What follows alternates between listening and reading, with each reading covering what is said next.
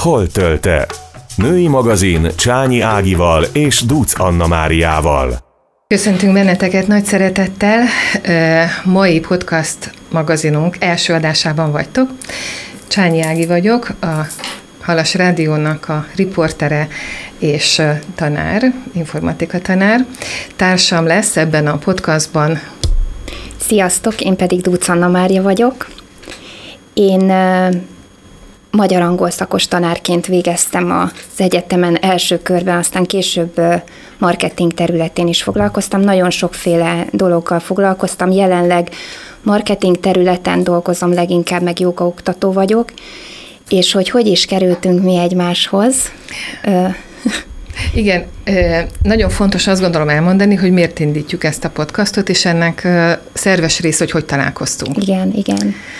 Ugye a rádióban először marketing kapcsán akartuk Ancsit megkeresni, de aztán hirtelen híres lettél, hiszen a Facebookon egy olyan posztot írtál, erről majd mesélsz, ami hirtelen egy csapásra ismertétett, nőklapjában is készítettek veled riportot, és akkor mi is meghívtuk Ancsit, és ahogy egymásra néztünk, olyan hihetetlen éreztük, hogy nagyon hasonló az értékrendünk, és amit nem is tudunk megmagyarázni, van egy ilyen spirituális kapcsolódás köztünk. Igen. igen, igen. Főleg, amikor kezet fogtunk, és, és tudtuk, hogy nekünk lesz utunk egymással, és aztán ki is derült, hogy igen, valamit fogunk közösen csinálni, és ez a podcast az.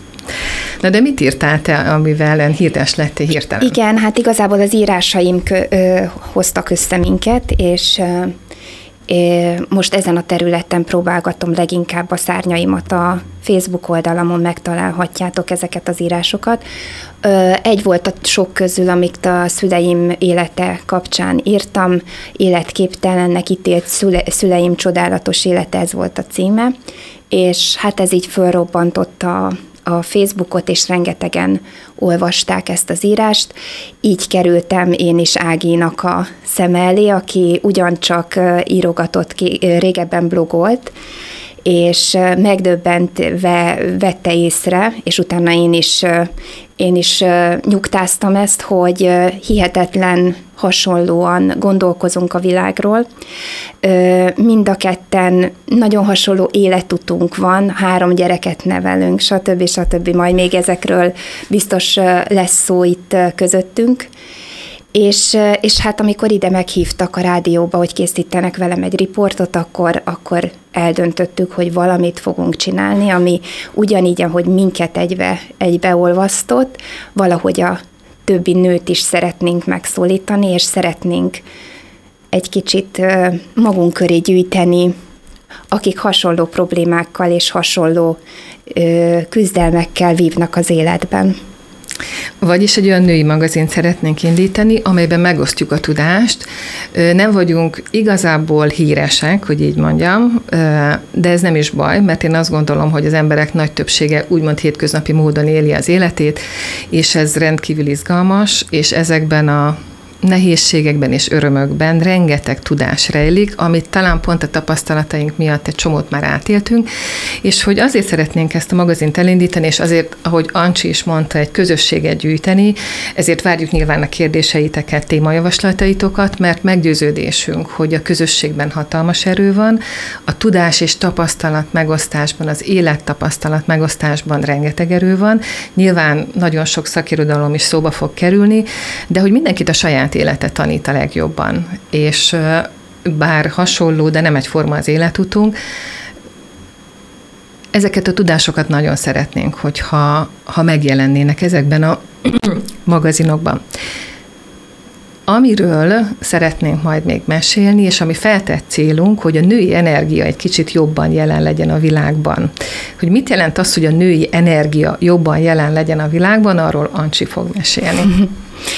Igen, nagyon sokat gondolkoztam ezen mostanában, nagyon foglalkoztat, hogy, hogy annyira úgy érzem, hogy mostanában a, a, az egész a, a nyugati társadalmakat mindenféleképpen, de úgy, mintha a világot is egy kicsit így el, elhatalmasodott volna rajtunk a férfi energia. Az nem azt jelenti, hogy feltétlen, hogy a nők elnyomás alatt vannak, hanem, hanem azok az energiák, amik, amik így befelé fordulva kerülnek napvilágra, és, és inkább az intuícióra, a lélek szavaira, a lélek küldetésére helyezi a hangsúlyt, ezt, ezt úgy most egy kicsit úgy elnyomtuk.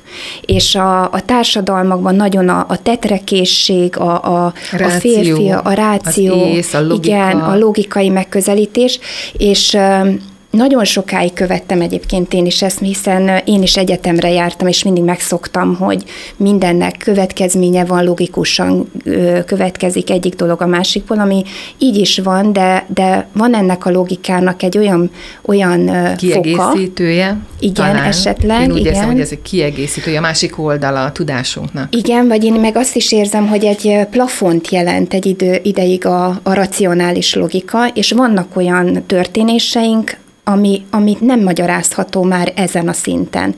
És azt gondolom, hogy ilyenkor van nagyon nagy szükség arra a velünk született ősi tudásra, ami hiszek abban, hogy minden nőben ott van, és, és abban is nagyon hiszek, hogy a férfiaknak erre ugyanolyan szüksége van, mint a nőkre. Egy kicsit talán el is férfiasodtunk mi nők, nem? Biztos, biztos. Egyébként ez egy nagyon érdekes dolog, mert ugye iskolában én a kamaszokkal nagyon hamar megtalálom a hangot, és nagyon sokat tanulunk egymástól kölcsönösen. Sokszor szoktam őket biztatni, akár amikor pályát választanak, hogy, hogy hagyatkozzanak az intuícióra. Tehát, ahogy mondtad, a racionalitás nagyon fontos, de hogy nagyon korlátja van.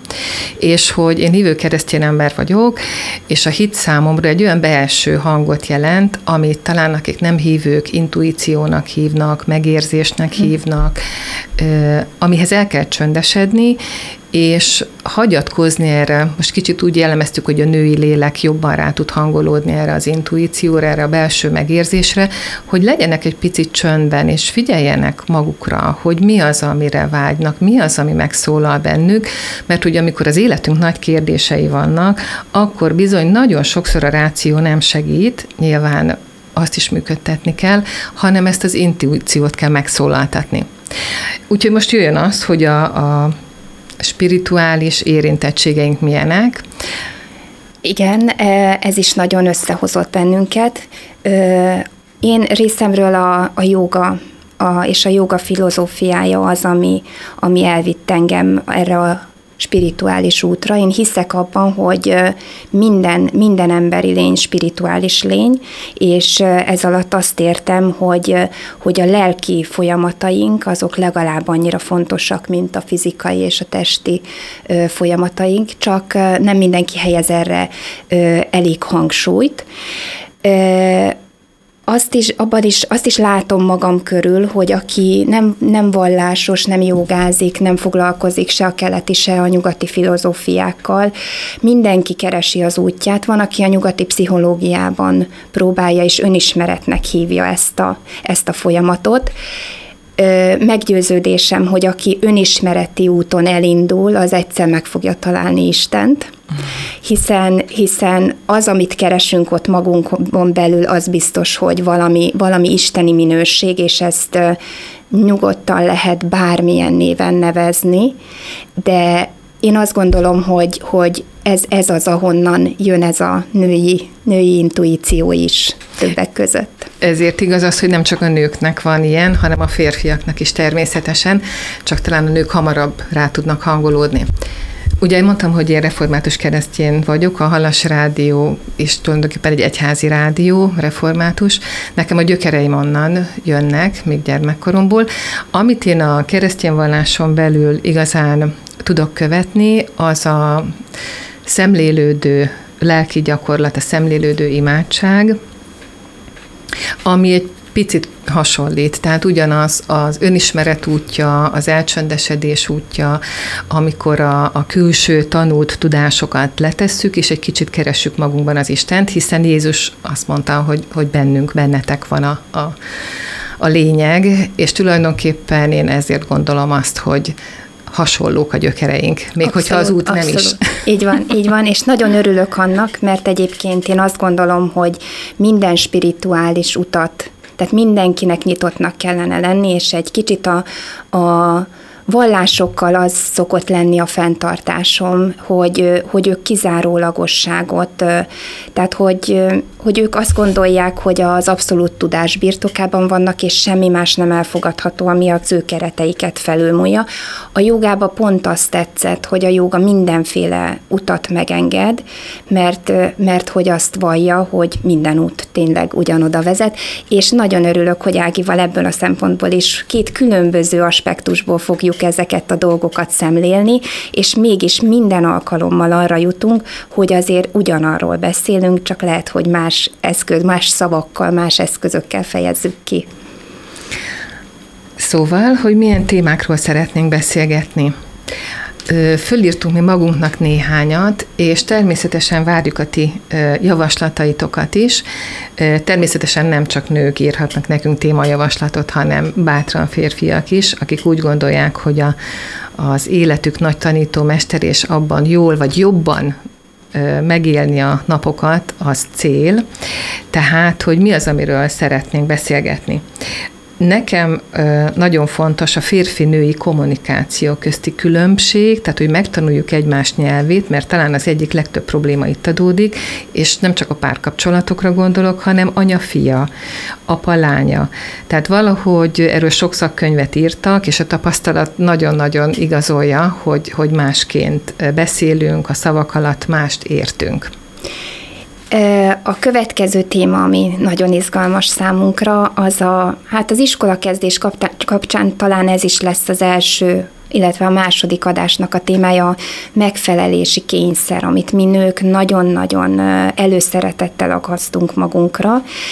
Túlzásba visszük egy kicsit ezt, és hogy hogyan kezeljük, mi, mi ketten hogy, hogy kezeltük, hogy, hogy, hogy próbálunk ezzel a állandóan előkerülő megfelelési, kényszerrel dűlőzni. Erről fog szólni egy másik adás. Igen, megpróbáljuk megzabolázni. Ebbe fekete övesek vagyunk mi Igen, igen, igen. Mindenkinek mindig meg akarunk felelni, és persze úgy érezzük, hogy nem sikerül. A következő a válni, nem válni, gyerekkel, gyerek nélkül. Azt gondolom, ez talán nem az első adások egyike lesz, hiszen ez egy olyan mély és olyan nehéz téma, hogy ehhez egy picit szoknunk kell egymást és benneteket. Igen, ezt is nagyon érdekes lesz kettőnket hallgatni. Mind a kettőnknek három, három gyereke van. Ági 30 éve, több mint 30 éve él házasságban a férjével, én viszont a gyerekek születése ele, el, első szakaszában elváltam a férjemtől, és nagyon sokat beszélgettünk erről, hogy, hogy ez, ez a szituáció mit adott nekünk, mit, hogy éltünk meg. Nagyon kíváncsiak vagyunk egymáséra is egyébként, mert egyikünk se tudja elképzelni, hogy lehetett volna máshogy. Úgyhogy ez is egy nagyon izgalmas téma lesz szerintem. És egyik sem volt könnyű. Igen, igen, könnyű egyik se volt. De valamilyen módon sikeres volt mind a kettő. igen, igen. A következő karrier mennyire családodnak Ugye a régi minta az volt, hogy a nők otthon ültek, aztán a következő minta a szocializmusban, hogy mindenki dolgozott, aztán a nők mégiscsak még mindent csináltak otthon. Hogy van ez ma? Mennyire karrier, mennyire gyerek lehet együtt csinálni? Elcsépeltnek tűnik, de azt gondolom nagyon sok érdekes dolgot lehet erről is mondani. Így van, úgyhogy nagy szeretettel várunk benneteket a következő sorozatban, és nagyon reméljük, hogy, hogy tudunk nektek adni ezzel a adásokkal, és és hogy egy kicsit azáltal, hogy ezekről a témákról beszélgetünk, csak azért, hogy kibeszéljük, egy kicsit könnyebbé, boldogabbá, egyszerűbbé tesszük a ti életeteket is, és a miénket is. Ez nagyon feltett célunk, már csak azért is, mert csak a sok-sok téma közül most eszembe jutott például a gyes, gyed, tehát, hogy engem nagyon megviselt ez a hosszú időszak, erről is írtam a szakdolgozatomat szociálpszichológusként, a gyesesek pszichológiája, szóval és arra jöttem rá ott is, hogy ha ezeket megosztjuk, ahogy te mondtad, arra döbbenünk rá, hogy tök hasonló dolgokkal szembesülünk, és a megoldásokban is hasonló utak vezethetnek ki, és maga az az érzés, hogy rájössz, hogy nem csak egyedül kínló cevvel, hanem ez, ez nagyon jellemző, és sokak szenvednek ettől, és hogy más milyen megoldásokat talált, és az téged is fog segíteni, hogy megoldást találj. Ezek szerintem fantasztikusak. Hát ez az, hogy egyrészt hasonlóak vagyunk, mert hiszen mindannyiunkban ugyanaz az isteni lélek rakik, másrészt pedig, hogy, hogy a közösségnek az a csodája, számomra a közösség a legnagyobb csoda. Igen, és a legjobban hiányzik most az életünkből. És nem csak a miénkből hozzáteszem, nem, hanem nem. mindenkiből. Így van, így van, tehát ezt így, így, így közösbe mondom. Igen, a Covid nem tett jót ennek, igen, de, de azt gondolom, hogy meg kell találni mindig meg kell találni a módját, hogy hogy tudunk egymással kapcsolódni, mert egyedül nem megy. Az az igazság. Vagy hát sokkal nehezebben megy, döcögve megy. Ez végszó is lehetne. Közösen könnyebb, női magazinunkat tehát keressétek, Duc Anna Máriával és Csányi Ágival. Köszönjük, hogy velünk tartottatok, és várunk benneteket egy hét múlva ugyanekkor ugyanitt. Sziasztok! Sziasztok!